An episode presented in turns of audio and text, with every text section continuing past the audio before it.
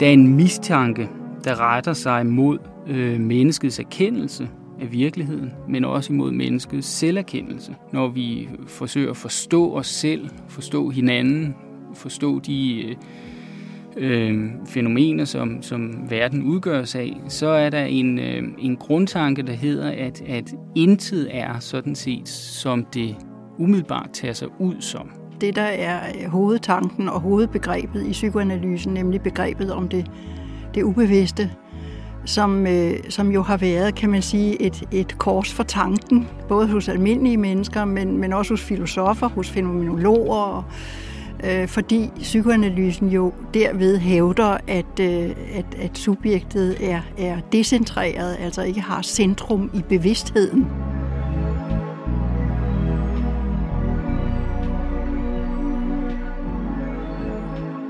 Du lytter til Filosofikum. En podcast om filosofiens store og små spørgsmål.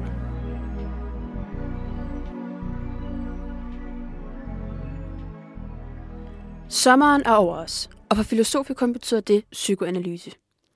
Vi vil i en række af programmer guide dig gennem psykoanalysens psykologiske, litterære, samfundsmæssige og ikke mindst filosofiske karakter. Psykoanalysen har altid været kontroversiel og er det stadig den dag i dag. Inden for psykologien betragtes Freuds psykoanalyse som mere eller mindre passé. Samtidig vinder psykoanalytiske tilgange, for eksempel inden for filosofien og det æstetiske fag, frem. En af de psykoanalytikere, der er vundet frem inden for kulturkritikken, er Frans Fanon. Vi har talt med Mia Skadegaard Thorsen om, hvordan hun bruger Fanons psykoanalytiske kritik af kolonialismen til at forstå vores samfund i dag. Derefter træder vi lige et skridt tilbage og taler med Judy Gammelgaard om, hvad psykoanalysen egentlig går ud på, og hvorfor Freuds tanker stadig er relevante. Til sidst skal vi høre Martin Pasgaard Vestermand, der vil sætte Freud ind i en filosofihistorisk kontekst ved at fortælle om mistænksomhedens filosofi. Velkommen til Psykoanalytisk Sommer på Filosofikum.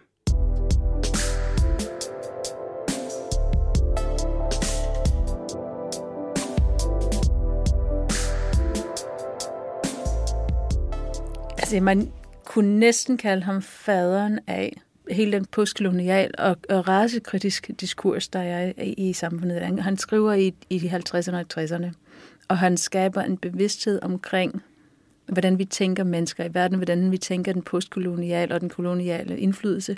Og så har han haft en kæmpe betydning i forhold til, hvordan, og det er så på den overordnede eller makroplan, men man, også på det mikroplan, hvordan, hvad gør det her ved mennesker? Hvordan internaliserer vi ting? Hvordan forstår vi hinanden i de her magtspil, der er mellem de her positioneringer? Så i det her tilfælde bliver koloniseret med positioneringer, men, men som kan bruges i så mange andre perspektiver, så mange andre analytiske øh, kontekster. En af dem, som bruger Frans Fanon flittigt i sit arbejde, er Mira Skadegaard Thorsen. Jeg hedder Mira Skadegaard Thorsen. Jeg er, hvad hedder det, studieadjunkt på Aalborg Universitet, og jeg forsker i øh, strukturel diskrimination primært. Frans Fanon var sort, intellektuel og aktivist under den franske kolonialisme. Han er jo født i 25, og han lever meget kort tid i virkeligheden. Han dør allerede i 61. Og øh, han starter ud, altså han er født i Martinique til forældre, der er fra Martinique, far, og, og han kommer fra det bedre borgerskab. Han er sort, og øh, det vil sige det sorte bedre borgerskab, og det, allerede der har vi nogle niveauer og nogle lag omkring. Så summarum, han ender med at blive uddannet som både psykiater og øhm, altså læge og psykolog, psykolog og bliver psykiater og arbejder i starten for Frankrig. Og pludselig går det op for, at noget af hans arbejde er i virkeligheden med til at opretholde nogle magtmekanismer og, og kolonisme, som simpelthen ikke kan stå indenfor, så han stopper, og han rykker derfra og begynder at arbejde på nogle andre måder hvor han stadig er psykiater og arbejder med um, det, han kan, men han bliver mere og mere aktivistisk. Fanon er en af de tænkere, som har overført psykoanalysens kliniske kategorier til samfundet. Dog uden at bevæge sig særlig langt væk fra menneskets krop og psyke. Han, han tager simpelthen bare op og tager et makroperspektiv, men aldrig bare et makroperspektiv. Han arbejder hele tiden med, hvad er det, det her, det gør ved individet.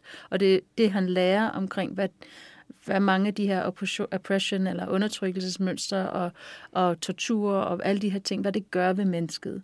Og særligt hvad det at være i en sort krop i, en, i, et, i et samfund, der, der um, værdisætter den sorte krop på nogle bestemte måder, hvad det gør. Og en af hans store ting er, at han finder frem til, at, at man kan ikke gøre et menneske psykisk rask i en sort krop, hvis hele samfundet allerede sygeliggør den sorte krop. Altså, der er nogle ting, han finder ud af, der er nogle paradoxer, nogle problematikker, som er nødt til at forholde sig til på nogle andre måder, end bare at sidde og, og, og give den medicin på et hospital i hvert fald. Så han, han arbejder helt klart med makro- og mikroperspektivet. Vi har bedt Mira om at tage et eksempel med ind i studiet, der kan vise, hvordan hun bruger Fanon til at analysere det samfund, vi lever i. En skole holder en fest for deres lærer og sender dette brev ud. Taiwan Fest. Yulan kommer fra Taiwan. Dette fejrer vi én gang om året, hvilket vil sige på tirsdag den, den er den dato. Vi vil fortælle om Taiwan.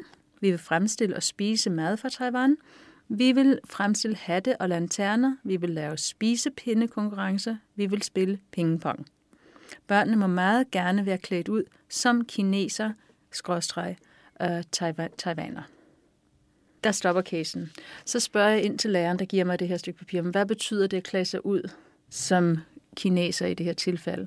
Og læreren siger, at det kan være på rigtig mange måder, men primært lægger det her op til, at de påtager nogle kropslige kropstegn, altså maler øjnene på en bestemt måde, maler huden på en bestemt måde, så de kan se kinesisk ud. Hvis man nu kigger på det her fra en overordnet perspektiv, så er der rigtig mange problematikker her. Et, det her er et meget velment initiativ. De vil gerne fejre en lærer, de er glade for når jeg kigger på det, så kigger jeg på det med, med strukturel diskriminationsbriller på. Det vil sige, at jeg tager Fanon på min skulder og siger, hvad så fætter? Hvordan ser vi på det her? Og han vil sige, tror jeg, hvad er det for nogle underliggende antagelser er omkring, omkring kroppen, der er indrettet i sådan en interaktion her? Og hvordan kan det være, at sådan et, et venligt ment øhm, initiativ kan være problematisk? Og det kan det på rigtig mange måder. Det første, og det der er mest i, i øjenfaldene øh, for mig her, det er også dem, som kommer kinesisk, ikke kinesisk, dansk versus kinesisk i det her tilfælde, hvor der kan, være sagt, der kan sagtens være dansk børn med de her kropstegn. Og problemet her bliver, at det, det fremhæver deres ikke-danskhed, deres fremmedgørelse via kropstegn, som kan være en form for um, det er en strukturel diskrimination, det er også en mikrodiskrimination. Det er en velment handling, som jeg også kalder en benevolent diskrimination, alle som trukket ud af, hvordan Fanon også tænker på de her ting. Det, der kan være konsekvensen, og her kommer Fanon mere tydeligvis ind i billedet, det kan være den internalisering, der kan skabes i sådan et tilfælde, hvor et barn bliver nødt til at acceptere majoritetsblikket på sin krop. Barnet er dansk, hvis vi nu antager, at der er nogle danske børn med de her kropstegn, som bliver iscenesat som, som asiatisk, så får barnet nogle beskeder. Et, du er ikke rigtig dansk på grund af din kropstegn. Du behøver ikke klæde dig ud, for du allerede ser kinesisk ud. Du, øhm, du hører ikke rigtig ind i, i den her danskhedsbetegnelse. Og øhm, vi kan reducere hele den her identitet ned til sådan noget som spisepind og pingpong. Så det er klart, at det er nok ikke det, skolen har tænkt. Selvfølgelig har skolen ikke tænkt det. Skolen har handlet refleksivt. Den har internaliseret nogle samfundsmæssige perspektiver på andethed, på danskhed, på kroppen, som den ikke er bevidst om, den, den gør. Så den handler ud fra nogle rutiner, nogle normer, nogle, nogle indlejrede antagelser, som slet ikke har taget op og overvejes. Ikke skolen, men personerne, der har handlet på den her måde. Og det vil Fanon sige, at det er der, hvor man trækker på de her indlejede betydninger. Fanons store bidrag er, at vi er nødt til at kigge på, hvordan de her ting ligger i vores samfundsnormer og struktur, hvordan de, vi i nærmest kropsliggør de her forståelser af andethed, uden at være bevidst om det. Godt nok, han beskæftiger sig ikke med en asiatisk krop, han beskæftiger sig med en sort mandlig krop af, af afrikansk oprindelse i nogle bestemte lande, mest Martinique og Algeriet.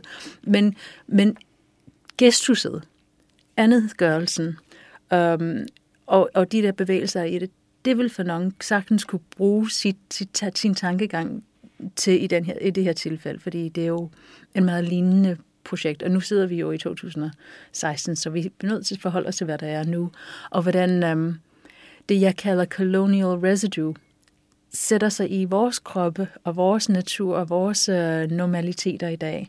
Men hvad er det så for en opfattelse af subjektet, som vi skal forstå her? Mira understreger, at det er alle, der udfører ubevidste handlinger. Både det subjekt, der kolonialiserer, og det subjekt, der bliver kolonialiseret. Det er ikke nemt at beskrive det subjekt, men Mira kommer her med et billede, som måske kan hjælpe dig med at forstå, hvad det er, der er på spil. Jeg får et billede af ham i en lille båd på, på noget vand, og det vand, det bevæger sig, så man jo nødt til at agere på det vand.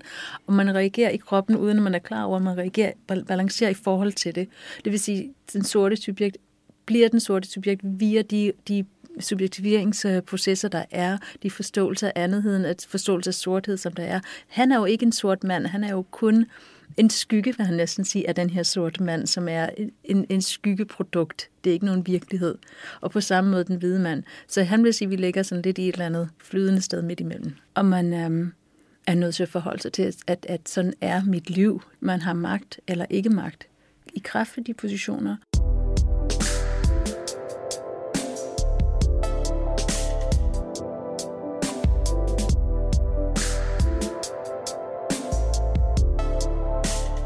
Fanon er således en af de aftager til Freud, der viser sig brugbar til at analysere vores samtid. Dog kan hans tanker måske virke lidt provokerende. Fanon hævder jo, at vi ikke altid er helt klar over, hvad vores velmenende intentioner egentlig er udtryk for. At vi ikke altid er bevidste om, hvorfor det er, at vi gør, som vi gør. Det kunne måske ligefrem virke krænkende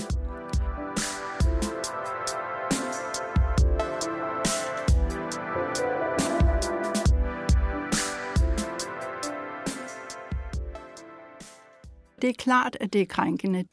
Den stemme, som du lige hørte, tilhører Judy Gammelgaard, lektor i klinisk psykologi ved Københavns Universitet og praktiserende psykoanalytiker. Mit navn er Katrine, og jeg har taget en snak med Judy Gammelgaard om, hvad psykoanalysen egentlig er for en størrelse.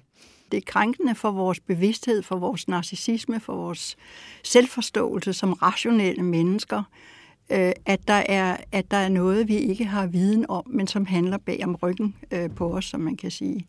Psykoanalysens fader Sigmund Freud beskrev faktisk selv sin videnskab som krænkende. Nemlig som den tredje og mest følelige af de tre store krænkelser, som videnskaben har udsat mennesket for. Først var der Kopernikus påvisning af, at jorden ikke er universets centrum.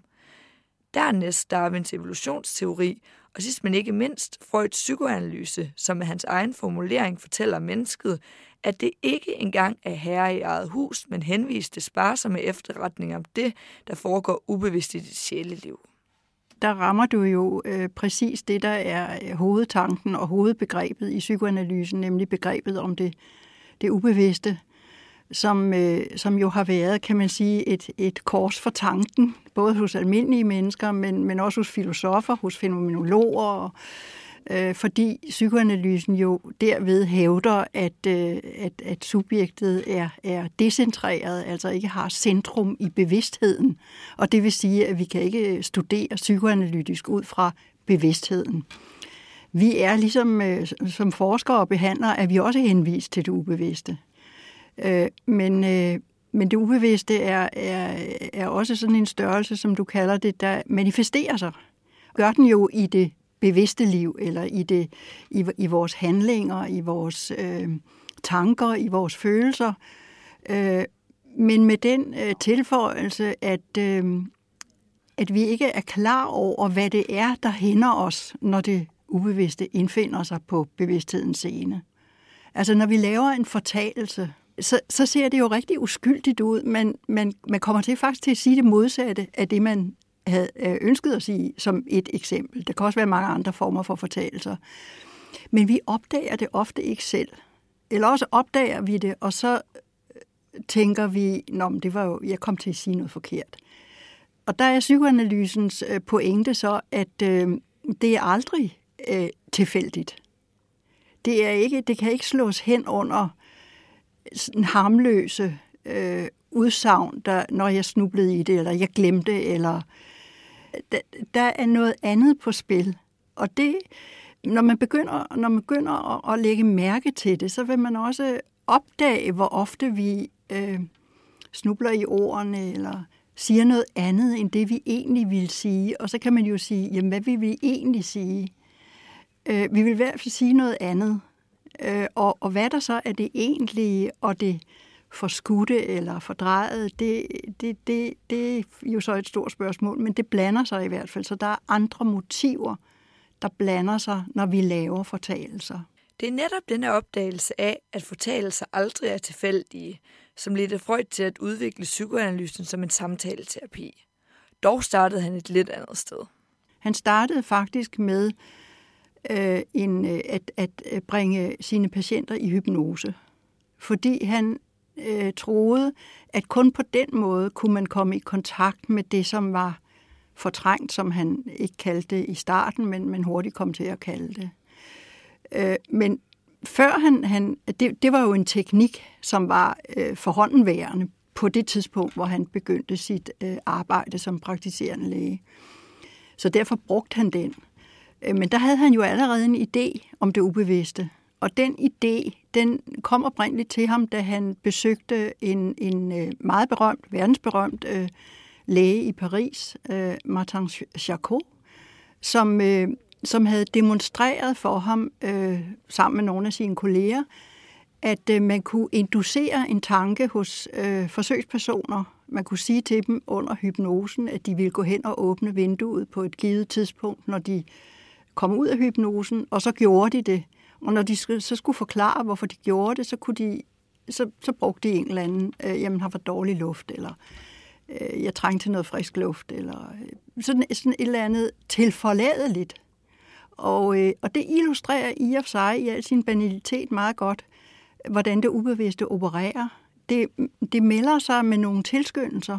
Vi får en tilskyndelse til at gøre noget, så gør vi det måske. Og så finder vi en forklaring på det. Men lad mig lige vende tilbage igen til udgangspunktet, fordi det kan illustrere det bedst. Da, da Freud startede med at have patienter i analyse, så, så var det fortrinsvis hysteriske patienter, han fik. Og, øh, og der opdagede han hurtigt, og det, der brugte han jo som sagt denne her øh, hypnotiske behandlingsteknik.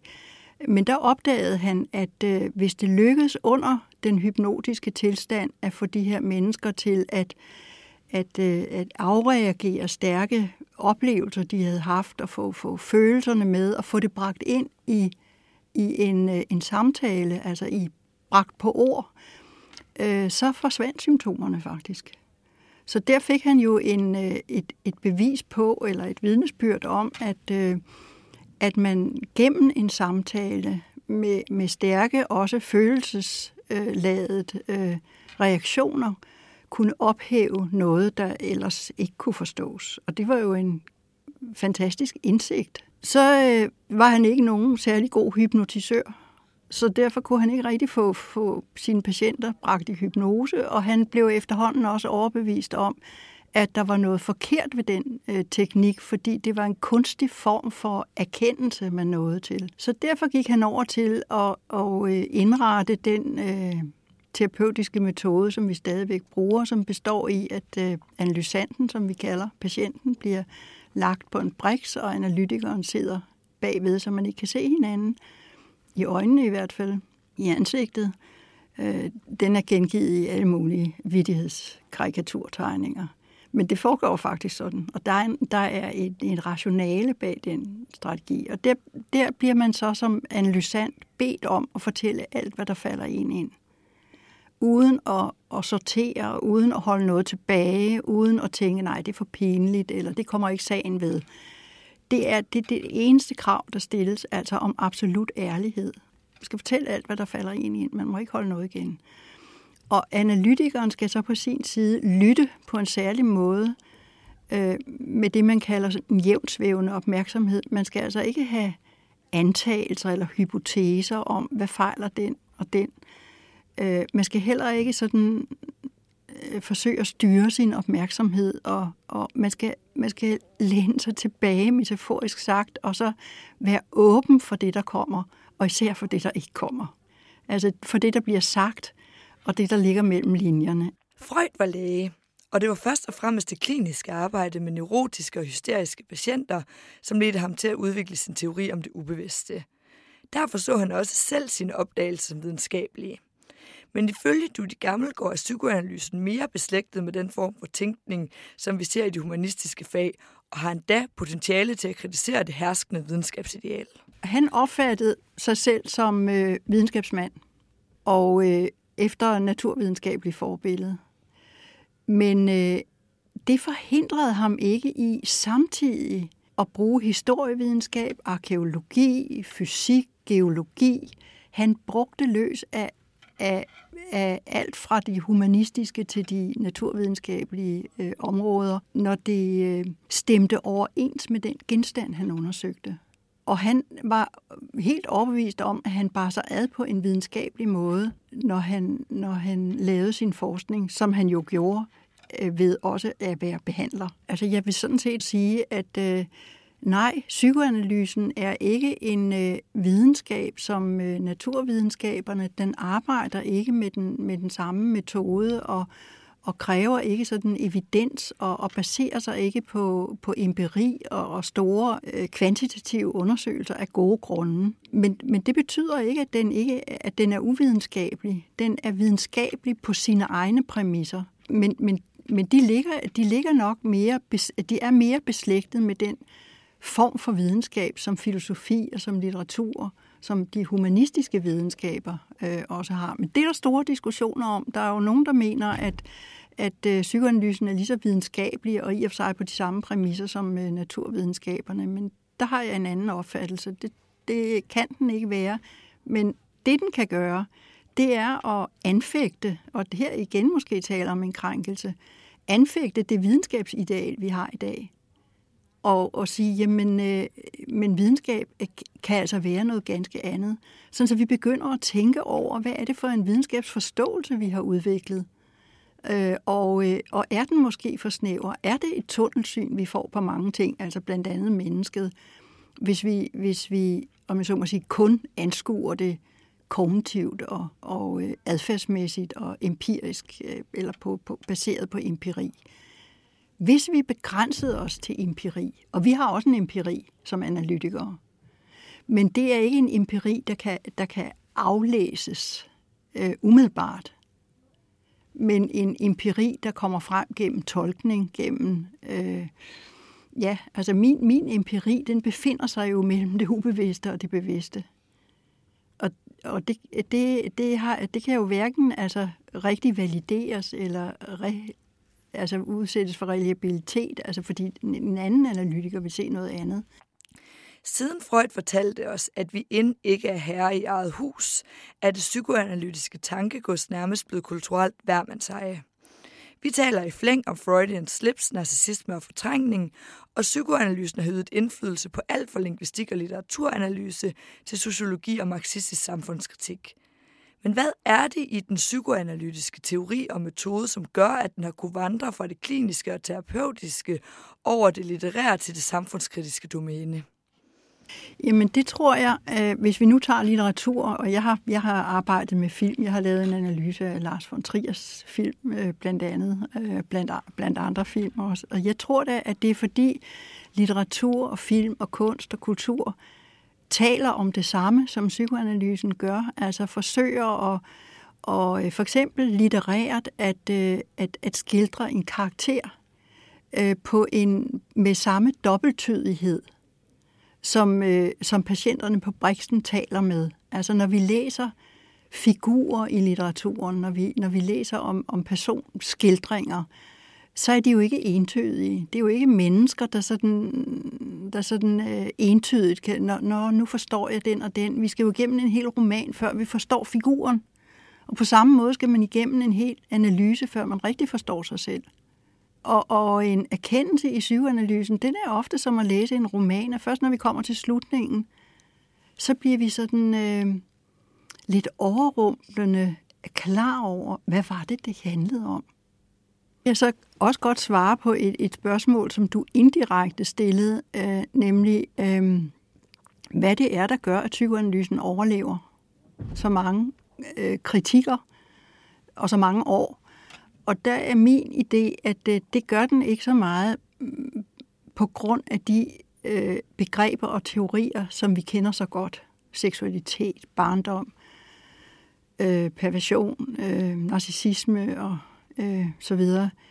Men på grund af den særlige måde at tænke på, som, som, øh, som Freud lærte os, alle os andre, og, øh, og som ligner filosofisk tænkning, som, øh, som, som opsøger knudepunkter i en, en, øh, en struktur eller et, et erkendelsesfænomen og, og bliver ved og øh, vender tilbage øh, uden at opgive det, man har tænkt, øh, opsøger det igen, finder nye løsninger på, på den knude, man er stødt ind i. Så det, det, er, ikke, det er ikke sådan en, en logisk fremadskridende lineær bevægelse, men mere sådan ellipseformet form for erkendelse. Og den der med at, at udfordre sine egne udgangspunkter og, og vende tilbage, altså, og det fænomen, at kendelsen altid kommer efterfølgende, så det er en form for eftertænksomhed. Men, men øh, den, den måde at tænke på, tror jeg er beslægtet. Og jeg tror, det er det, der, der har, der har øh, fastholdt fascinationskraften ved psykoanalysen.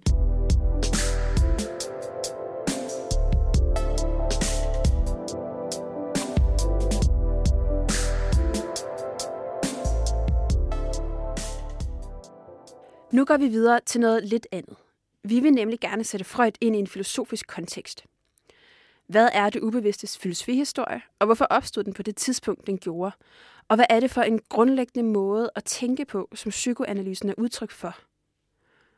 For at få svar på de spørgsmål har vi inviteret filosofihistoriker Martin Pasgaard Vestermann ind til at fortælle om det, man med den franske filosof Paul Ricoeur kunne kalde for mistænksomhedens filosofi. Der er en mistanke, der retter sig mod øh, menneskets erkendelse af virkeligheden, men også imod menneskets selverkendelse. Når vi forsøger at forstå os selv, forstå hinanden, forstå de øh, fænomener, som, som verden udgøres af, så er der en, øh, en grundtanke, der hedder, at, at intet er sådan set, som det umiddelbart tager sig ud som. Der er hele tiden noget nedenunder fænomenerne, som bestemmer de her fænomener. Ret skal være ret, og vi skal huske nuancerne. Derfor skal vi lige sige, at Martin mener, at mistænksomhedens filosofi er en nogenlunde grundlæggende betegnelse, men at der er tale om tre meget forskellige måder, mistænksomheden kommer til udtryk på hos henholdsvis Marx, Nietzsche og Freud. Marx han vil jo sige, at mennesket er, er et produkt af nogle bestemte materielle og, og historiske øh, betingelser. Og i den forstand så bliver mennesket som, som vi har med at gøre i, i, i, i dagens øh, øh, samfund. Øh, altså noget, som bestemmes af noget andet. Øh, det samme gør sig gældende hos Nietzsche. Der kan man også sige, at, at mennesket har en bestemt øh, måde at, at, at manifestere sig på i, i sin tænkning og i sin kultur.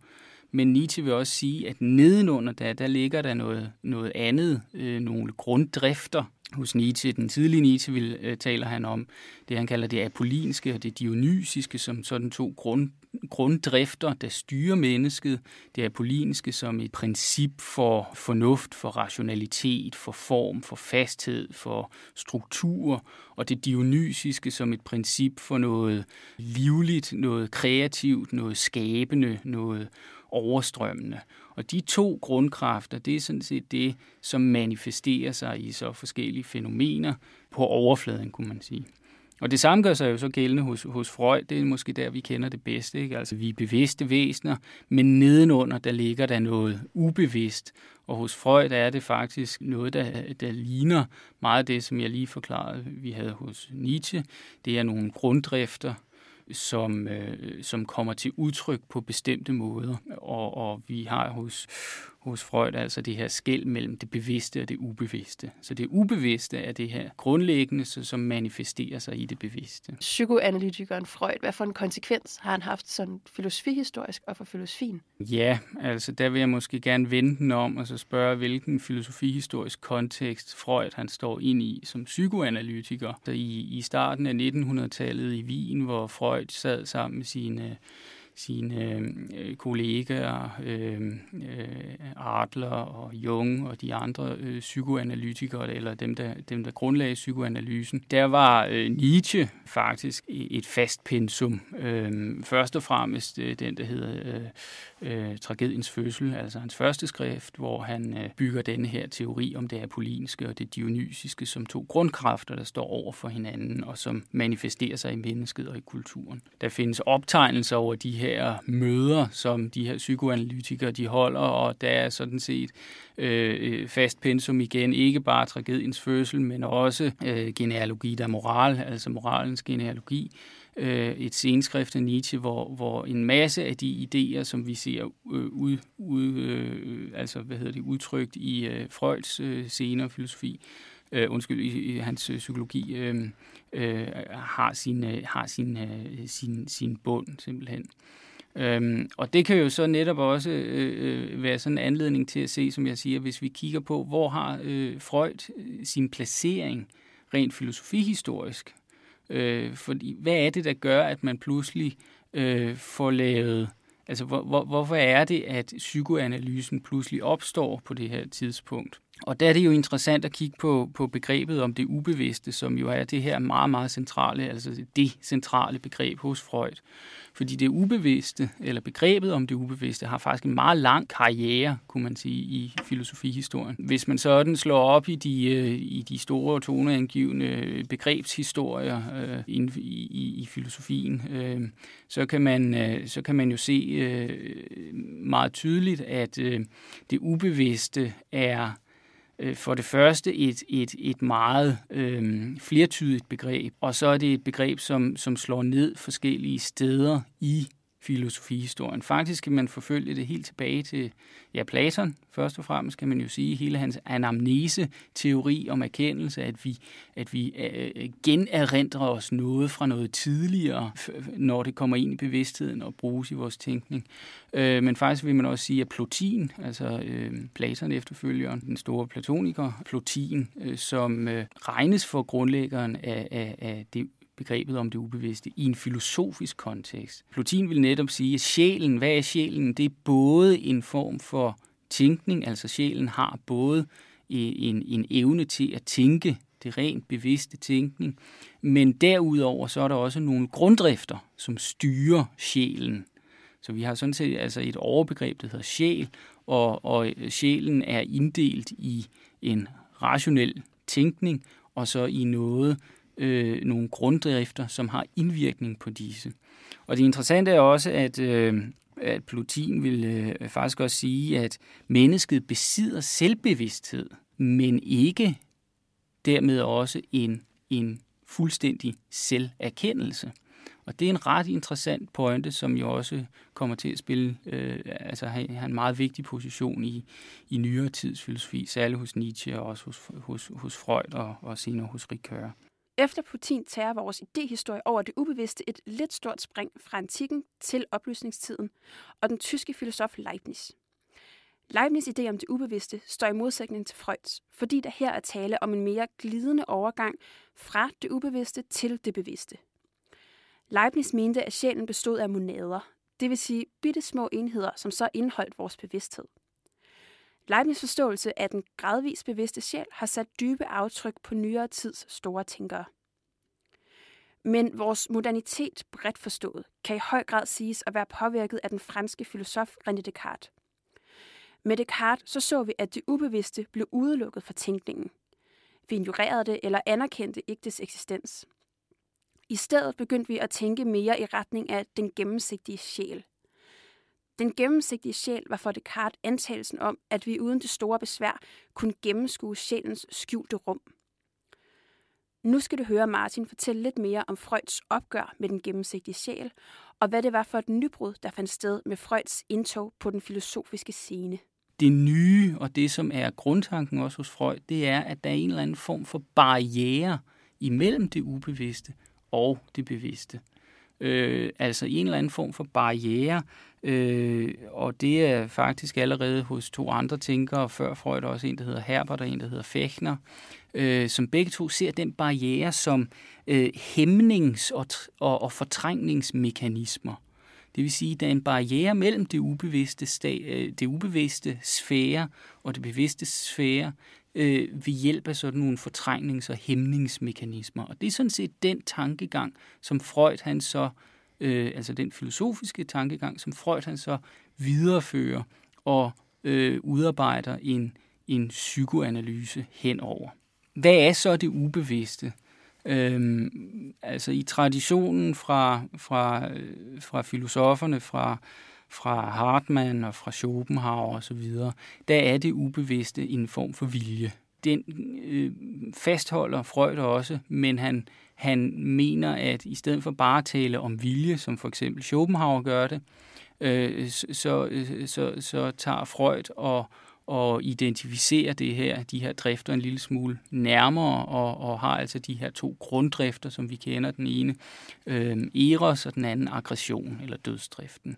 Og det er de to øh, grunddrifter, som sådan set øh, øh, øh, er i et, i, et, i et modsætningsforhold, og, og det er det, det ubevidste består af. Og de kan så at sige træde ind i det bevidste på forskellige vis. For Freud, der ligger der i det her, at øh, de to grunddrifter, de sådan set er øh, øh, modstridende. Og hvor den ene er faktisk det, der er det kulturbærende, og det andet er det, som, som forbliver det det, det, det så at sige, rå natur i en eller anden forstand. Så hvad er kultur for Freud? Så den helt grundlæggende set, så er kultur en form for naturundertrykkelse. Altså kulturen undertrykker noget naturligt eller nogle grunddrifter. Derfor kan man også sige, at i, i hans begreb om psykoanalysen, hvor han forsøger at gå ind og hvad hedder det, tolke på nogle fænomener, som kommer til udtryk i kulturen eller hos det enkelte menneske som en form for lidelse, øh, neurose, hysteri øh, øh, osv. Ved at fortolke på den, kan, kan, kan, kan se, at det sådan set er en fortrængning eller en hæmning af en underliggende drift. Så det er så at sige dynamikken, eller den, sådan den, den skelettet i den måde, han forstår psykoanalysen på. Og det er jo både øh, med hensyn til det enkelte individ, men det er også med hensyn til kulturen som sådan. Og det, og det er i den forstand, at man kan se det som mistanke, at, at Freud han vil så at sige grave frem, øh, hvad, altså den lidelse, som det enkelte menneske gennemgår, eller den lidelse, som er til stede i kulturen som sådan, kan forstås på baggrund af den her mekanisme. Mistanken hos Freud eller Nietzsche eller hos Marx går så ud på, at vi skal afsløre de her forfalskninger. Ricoeur han vil væk fra den øh, form for mistankens hermeneutik, hvor det eneste, jeg laver, det er så at sige at afsløre. Han vil sådan set sige, jamen, øh, de symboler, vi omgiver os med hele tiden, og verden er sådan set en, en, en sammenhæng af symboler eller tegn for Ricoeur. Ikke? Der vil han sige, jamen, de symboler er også noget, vi kan bruge positivt øh, som et, et instrument eller noget, øh, ja, et instrument for at kunne opklare og øh, udforske, øh, hvad vi er som mennesker. Det kan også være en tolkning, der er lyttende, der er åben, der hører efter, hvad symbolerne har at sige, og i den forstand altså også kan udtrykke en vis form for poetisk erkendelse, og ikke kun føre tilbage til sådan nogle mørke grundkræfter. Ja, det er sådan set øh, grunddistinktionen.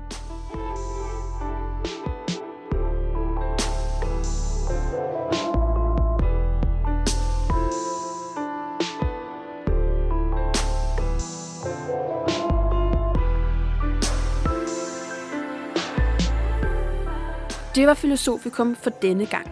Vi vender snart tilbage med endnu mere psykoanalyse til dig i vores næste afsnit. Filosofikum produceres af Katrine Høhøj, Emma Inge Hansen, Rebecca Kasko Skadhed og Rosa Skøtbur. Musikken er lavet af Andreas Murga og Joachim Kollerup. Tak til vores gæster, Mira Skadegaard Thorsen, Judy Gammelgaard og Martin Pasgaard Vestermand. I kan finde os på Facebook, hvor der er endnu mere at lytte til for de filosofisk interesserede. For eksempel ligger der resten af vores sidste debat om analytisk og kontinental filosofi. Afslutningen er nær. Som den romanske filosof Emil Sivan skrev, Det er ikke besværet værd at slå dig selv ihjel, siden du altid gør det for sent.